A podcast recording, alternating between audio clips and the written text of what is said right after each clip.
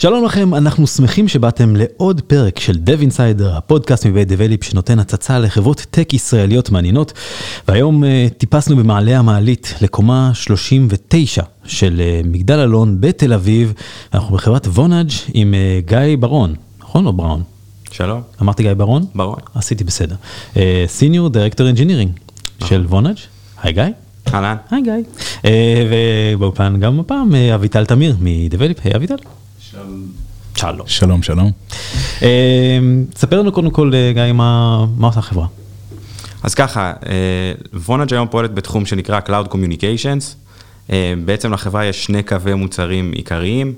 קו מוצרים ראשון הוא בעצם, היא בעצם פלטפורמה שחושפת API'ים ונותנת אפילו SDK'ים למפתחים, וחושפת כל מיני יכולות שקשורות ל communication, כן, זה יכול להיות צ'אט, זה יכול להיות אודיו, זה יכול להיות וידאו וכולי.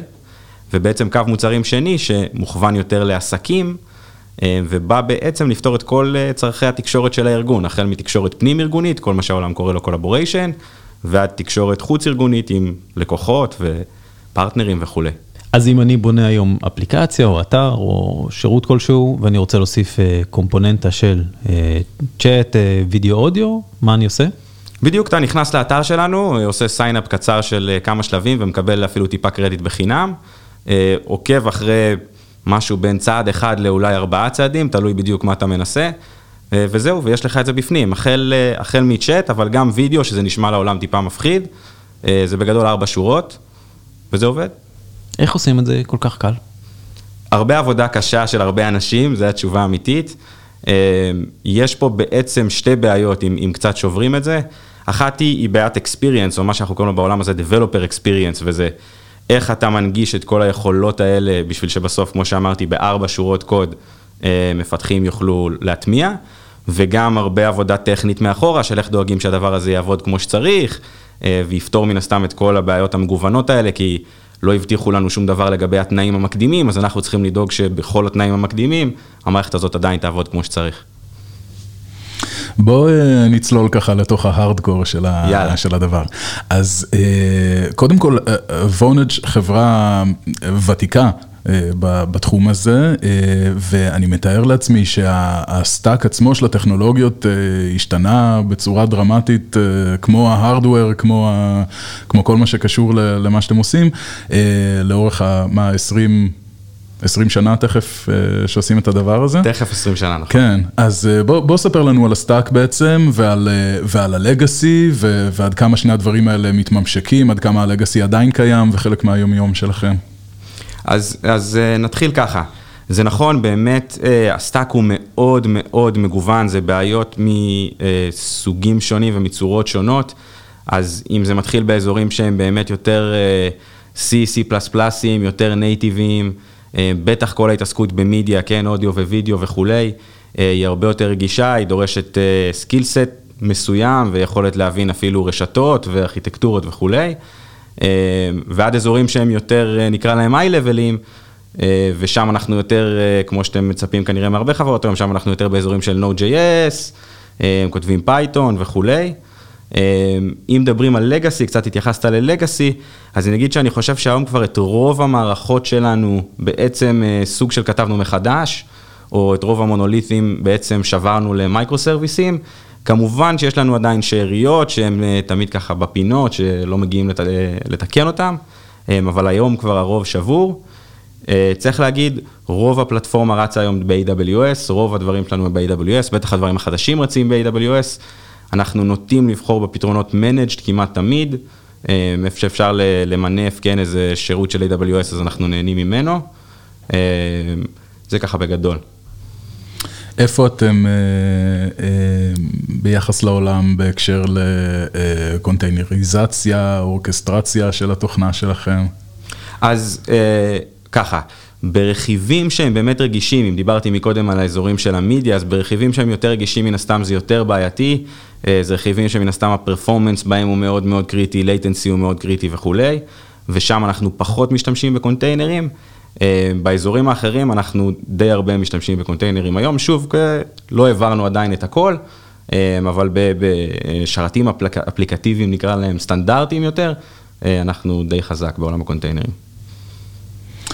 אז איך, איך נראה בעצם ה skillset הטיפוסי של בן אדם שמצטרף היום לוונאג'?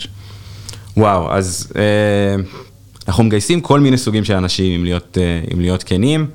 אני חושב שזה מתחיל דווקא קודם כל ב passion, זה מין כזה תנאי ראשון שלנו, לפני שבכלל מדברים על, על skillset, אבל, אבל אם לענות על ה skillset, אז חשוב לנו דווקא אנשים מאוד מגוונים.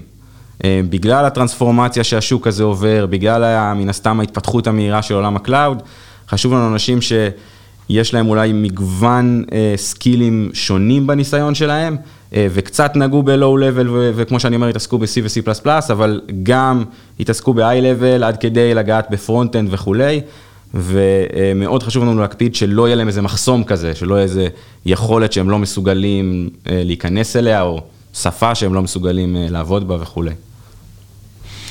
איך נראה יום טיפוסי של מפתח כאן בחברה? יום טיפוסי. אז הוא מתחיל בדרך כלל עם, עם איזשהו דיילי סטנדאפ עם הצוות שלו, אה, כנראה די סטנדרטי. אה, עובדים, אני חושב, חזק מאוד אה, ביחד, זאת אומרת, אם משווה אותנו כנראה לחברות אחרות, עבודת צוות פה היא מאוד מאוד חזקה, אז אה, כנראה שבמהלך היום הוא יישב עם לפחות חבר או שניים מהצוות שלו על, על הבעיה שהוא מנסה לפתור היום. אה, בדרך כלל הוא יעשה איזשהו קוד ריוויו אחד או שניים, אנחנו מאוד uh, מקפידים, כמו שאמרתי, על השיתוף פעולה הזה, וקוד ריוויו הוא חלק מהעבודה פה. אנחנו אפילו הולכים צעד אחד אולי יותר רחוק מזה, ומנסים להקפיד שאנשים חדשים, גם בשבוע הראשון שלהם יעשו קוד ריוויו, אפילו אם הם ג'וניורים, שזה משהו שאולי קצת לא סטנדרטי בתעשייה, אבל בעצם במין ניסיון להכניס אנשים הכי מהר שאפשר לעניינים, uh, אז אנחנו נדחוף את זה מאוד מאוד חזק. Uh, יש לא מעט... סינכרון עם אנשי ה-product, בשביל להבטיח שמה שעושים הוא בקו אחד עם, עם התמונה היותר גדולה. אה, זה בערך יום סטנדרטי. אתם אה, נמצאים בקשר עם אה, מרכזי הפיתוח האחרים שלכם ברחבי העולם? אני יודע שיש לכם עוד כמה ניכרים. מעניין אותי הקשר בין הצוותים בעצם הבינלאומיים ואיך זה מתבטא ב, ב, ביום העבודה. אז בוודאי שכן. אה, יש אה, כמה מרכזים שאנחנו עובדים איתם די הרבה, גם באירופה וגם בארצות הברית. אה, אני יכול להגיד שהרבה מאוד אנשים טסים פה, ואנשים באים אלינו ועובדים איתנו פה. זה יכול להיות עבודה של one on one, ממש מפתח מפה עם מפתח ממרכז פיתוח אחר, בין אם זה בצ'אט או בין אם זה ממש בווידאו, ומן הסתם עושים share screen וכל מה שצריך. ובין אם זה אה, צוותים שממש אה, יכולים לטוס ביחד ולשבת איזה שבוע שלם על איזה אה, בעיה קשה ביחד עם צוות אחר.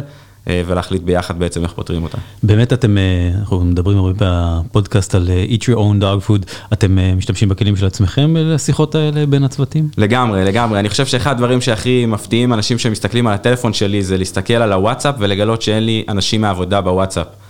זה משהו שהוא כזה קצת מוזר, פעם ראשונה שנכנסים אליו, אבל בעצם מגלים שאין לי כמעט אנשים מעבודה בוואטסאפ, כי משתמשים הכל בכלים פנימיים. אה, אוקיי. אז הכל משתמשים בעצם בפתרונות שלנו, במערכות שלנו, כמו שאמרתי, יש לנו מערכות שבנויות לעסקים, ובדיוק באות לפתור את בעיות ה-collaboration. וככה אנחנו עושים את ה-your own dog food. אז, אז בואו נדבר על זה שנייה. אה, יוצא לי לעשות לא מעט שיחות ועידה, גם, בעיקר אודיו אני חייב להודות, אבל לפעמים גם פה ושם וידאו.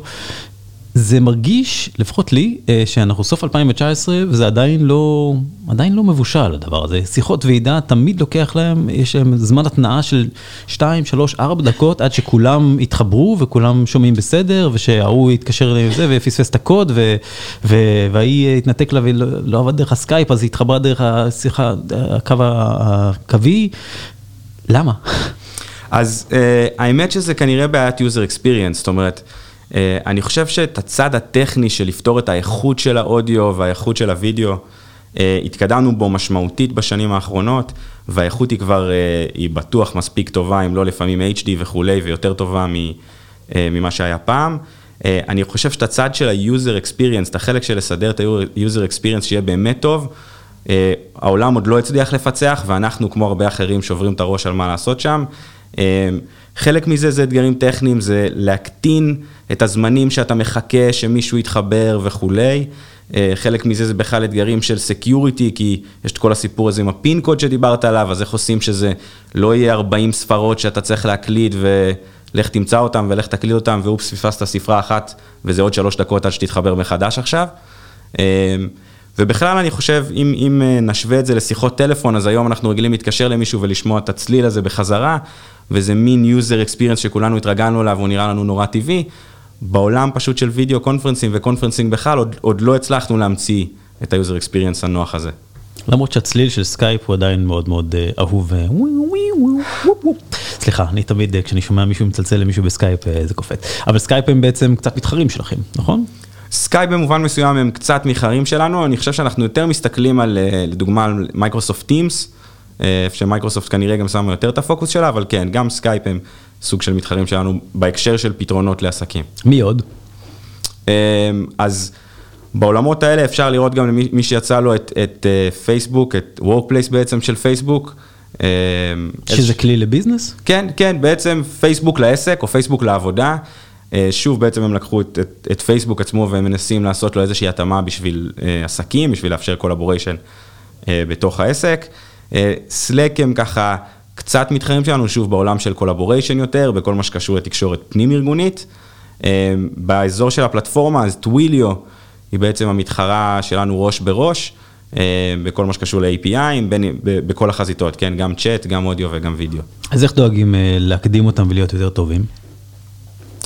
אה, אני חושב שהרבה דוחקים את האנשים לחשוב חזק ולנסות לפתור בעיות. זאת אומרת, בכלל אני אגיד על איך שהארגון שלנו פועל, אנחנו מה שנקרא דוחפים את ההחלטות כלפי מטה בארגון. אמ, אנחנו מצפים מאנשים לפתור בעיות גדולות בעצמם. אה, אני יכול להגיד שזה לפעמים קצת מרתיע אנשים שנכנסים לארגון הזה פעם ראשונה. כזה אתה מגיע לארגון, אתה חדש, ואז פתאום חודשיים אחר כך כבר נופלת עליך איזושהי בעיה גדולה, ואומרים לך, אוקיי, אז תבוא עם פתרון. אז זה קצת מרתיע אנשים ברגע הראשון, אבל כמובן שיש מעטפת מסביב שעוזרת בזה. אמ, וככה בעצם, אני חושב, עם כל המוחות של כל מי ש... שעובד פה היום, אנחנו מנסים להתחרות באחרים. אז החזרת אותנו בעצם לרמת המפתח הבודד, ואיך החשיבה והמאמץ אה, ככה אה, של פתרון הבעיות אה, נדחק אליו. עד כמה בעצם בפלטפורמה עצומה כזאת שהיא deployed למיליוני משתמשים ו- ועושה אינסוף traffic ביום, עד כמה המפתח הבודד מרגיש אה, שהקוד שיוצא ממנו מגיע ל-production ומשנה את החיים של האנשים האלה? אה, אז אני חושב שמאוד, אה, בזכות זה שעברנו ל-microservices בעצם באמת אפשר לעשות את זה, ו, ואז כש, כשיש serviceים והם יותר קטנים, אז מן הסתם יותר קל לעשות שינויים. אה, אני, אני אולי יכול לתת סיפור על, על שני מפתחים, צריך להגיד את האמת, שניהם ג'וניורים שהצטרפו לפה לפני שנה, ובאמת אחרי שלושה חודשים בערך ניגשנו אליהם ונתנו להם איזושהי בעיה, איזשהו service מאוד ישן שלא עמד ב-traffic ולא עמד ב-scale וכולי. ואמרנו להם, אוקיי, צריך להחליף את זה, וכמובן על הדרך יש גם איזה 20 featureים חדשים שכולם רוצים כבר לדחוף לאותו microservice. אמ, ובעצם, כמו שאמרתי, נתנו להם את המעטפת, זאת אומרת, מצד אחד נתנו להם לשבת קצת בחדר אה, ולקרוא וללמוד ולהיכנס לדברים חדשים שהם לא נכנסו אליהם אף פעם. אה, במקרה שלנו, שוב, זה היה הרבה AWS. וגם מצד שני, דגמנו אותם והבאנו להם את כל מה שהם צריכים מסביב, בכל זאת זה לא אנשים עם הרבה מאוד ניסיון, אה, בשביל לתמוך בהם ולשמור אותם במסלול. אמ, ואני יכול להגיד שבערך שלושה חודשים אחר כך זה יצא ויצא ל-production עם כל ה-traffic וכל מה שצריך, ועבד ממש טוב. זה נשמע מאוד מגניב. אה, דיברנו על, אה, גם בפרק הקודם של Up the Hill וגם קצת פה על, על ה-pivot שהחברה קצת עברה לכיוון ה-business. אתה רוצה לספר קצת איך, איזה שינוי עושים ברמת האיכות הטכנית? כלומר, האם כתיבת קוד עבור businesses הוא שונה מכתיבת קוד עבור, אה, נקרא לזה, לקוחות רגילים? אה, הייתי אומר שכן, היא קצת שונה. אה, זה מתחיל בזה שאנחנו, מאוד חשוב לנו שהמפתחים שלנו יהיו מחוברים לעולם שאנחנו פועלים בו וללקוחות, אז, אז המפתחים וכל הצוותים בעצם צריכים להיכנס למין mindset קצת אחר של מי זה הבן אדם שעבורו אני בונה את המערכת הזאת, וזה ממשיך אולי ב... להבין שהציפייה של עסקים כשהם משתמשים באיזושהי מערכת, היא בגדול שהיא תעבוד ב-100% מהזמן. זאת אומרת, יש הרבה פחות מקום לאופס, זה קצת לא עובד, ואולי אני אנסה עוד פעם, ואולי אני אלחץ עוד פעם, ואולי אני אפתח את זה מחדש, וכל מיני אה, דברים כאלה. בעסקים, מן הסתם, מדובר על כסף, אה, אה, וזה מאוד קריטי לאנשים, ולכן יש הרבה הרבה פחות מקום לגליצ'ים כאלה, אם נקרא להם. אה, ובהתאם אנשים צריכים לתכנן את הפתרונות שלהם שיתאימו לסביבה הזאת. אז אם יש פתרון שהוא קצת יותר טוב, יהיה קצת יותר סגור הרמטית, ויקח בחשבון, נקרא לזה יותר מקרה קצה, אז צריך לבחור בפתרון הזה. היו באמת סיפורים של קרייסיס גדול עם איזה לקוח עסקי שכולם פה היו צריכים לעבוד סוף שבוע, להגיע לחברה ו... כמו כל חברה כן, כמו כל חברה כן, גם, גם לנו היו כאלה, החל מנקרא לזה טעויות אנוש, של מישהו בתמימות באמת שינה משהו שהוא לא היה אמור לשנות, ואתם יודעים, התבלבל או לא הבין או וכולי. אה, ואז היה כמה שעות, אה, כמה שעות שכולם באמת היו צריכים לחזור ולתקן את זה. אה, ועד סתם אירועים אולי שקורים יותר לפעמים אפילו מחוץ לרשת שלנו, בין אם זה אפילו ברשת של הלקוח עצמו, שפתאום משתנה איזה משהו והוא לא ידע שהוא שינה את זה והוא לא ידע שיש לזה איזשהו אימפקט על המערכות שלנו, ומן הסתם הוא עכשיו מצפה שאנחנו נגיב מאוד מאוד מהר ונתאים את עצמנו. אני חושב שאנחנו במקום טוב היום, זאת אומרת, יש מין מינון נכון בין... אה, נקרא לזה מקרים כאלה שהם מאוד אינטנסיביים ומאוד אה, אה, אנרגטיים וכיפיים, ואחרי זה יש סיפור מאוד נחמד לספר לחבר'ה, לבין פוקוס עיקרי ביום-יום ובמוצר וב roadmap שאנחנו מנסים לדחוף קדימה. יש איזשהו סיפור שאתה זוכר לטובה, על איזשהו משהו, לקוח שהשתמש בשירות באיזושהי צורה מיוחדת שאף אחד אחר לפניו לא עשה ושינה את חייו? אני יכול להגיד, אולי דוגמה היא... אחד מה, אה, מהשינויים שקרו בעקבות המערכת, הפתרון שלנו לעסקים, שכמו שאמרתי שהוא זמין היום ב cloud, הוא בעצם פתח סט של פיצ'רים שפעם היו מאוד מתקדמים, זאת אומרת רק אם היית חברה מאוד גדולה, אז היה לך אולי מערכת שיש לה את הפיצ'רים האלה, אבל אוקיי, כשאתה חברה קטנה אז אין לך את האמצעים. אה, ואז ראינו לקוחות קטנים שמנסים להתנהג כמו חברות גדולות. עכשיו זה עוזר להם, אם תחשבו על זה קצת ביחסי ציבור של עצמם, הם פתאום יכולים לשדר ללקוחות שלהם שהם מרגישים ונותנים אה, אה, מענה כמו חברה גדולה. אז בעצם יש שם סוג של disruption קטן בהקשר הזה. אם זה, אני חושב שהדוגמה אולי הכי, הכי פשוטה והכי קל לדמיין אותה זה להקליט את כל השיחות. אם עסק פעם היה רוצה להקליט את כל השיחות שלו, אוקיי, היה צריך לקנות storage, אנשים שמבינים ב storage, ברור שכנראה שעסק שהוא פחות מ, לא יודע, כמה מאות עובדים בכלל לא נכנס לסיטואציה הזאת, אצלנו זה checkbox. אז, אז כל מיני יכולות כאלה פתאום הפכו להיות מרחק checkbox, אמ, והעולם מתחיל להתאים את עצמו, והעסקים מתחילים להתאים את עצמם ולהשתמש בדברים האלה. אז חלק מהשיחות מוקלטות למען בקרת זה, זה אתם? בין היתר. הבנתי. תגיד, דיברת קודם על microservices ודבליפ חברה שמתעסקת, סליחה רגע, לא מתעסקת בזה. אוקיי. אה, תגיד, דיברת קודם על microservices, דבליפ חברה שמתעסקת לא מעט ב DevOps, אה, איך אתם בעולמות ש, של DevOps? אמ, הייתי אומר משקיעים חזק מאוד. כחלק מהמעבר ל cloud, כבר, כבר לפני כמה שנים הבנו בעצם את החשיבות של, אה, של DevOps בארגון. זאת אומרת, אם תלך הרבה שנים אחורה, לא יודע, שמונה או עשר שנים אחורה, אז היה לחברה ארגון ops בכלל, כמו במודל הישן, והיום מאוד חשוב לנו לאפשר למפתחים עצמם. את ה-access ל production ואת היכולת להבין איזה מערכת הם, בנוי, הם בונים ואיך היא פרוסה, כן, החל מבאיזה טכנולוגיות הם משתמשים וכולי. אה, ומצד שני, לתת איזושהי תמיכה של אנשים שהם dedicated ל-DevOps, בשביל לבנות תשתיות שיעשו להם, אה, כן, שיאפשרו להם להתקדם באזורים האלה יותר, בצורה יותר קלה ויותר מהירה. אז כמה זמן אתה מעריך שמרגע שפיצ'ר הוגדר הצורך שלו ועד שהוא בחוץ בערך כמה זמן אה, יכול לעבור? תראה, זה יכול להיות, הייתי אומר, כמעט אינסטנט. אנחנו אה, חזק מאוד בעולם של serverless היום, אז אה, אם כל מה שזה אומר זה להוסיף איזושהי lambda קטנה איפשהו, שתעשה עוד איזה משהו קטן, אפילו אם זה אולי איזשהו database לידה, זה כמעט אינסטנט בעיניי. אם זה משהו גדול, אז אולי זה שבוע, שבועיים, משהו בסדרי גודל האלה. בסדר, יש עוד משהו חשוב ששכחנו לשאול אותך? אולי נדבר קצת על אה, אתגרים ש... יאללה. שיש פה היום. מה האתגרים שיש פה היום? אוקיי, אה, בצד הטכנולוגי אני חושב, דיברנו קצת על אתגרים של scale ו performance וכולי, ודיברנו על user experience. אם נדבר טיפה על מה שנקרא לו research או innovation, אה, אז בעצם אנחנו יושבים על צומת נורא מעניינת בעיניי. אנחנו בעצם יושבים על הצומת שמחזיקה או רואה את כל הדאטה של הרבה מאוד ארגונים. בין אם זה השיחות שהם מבצעים, ובין אם זה ההתכתבויות שלהם ביניהם. אה, זה דאטה שהיום העולם לא ממש עושה איתו הרבה.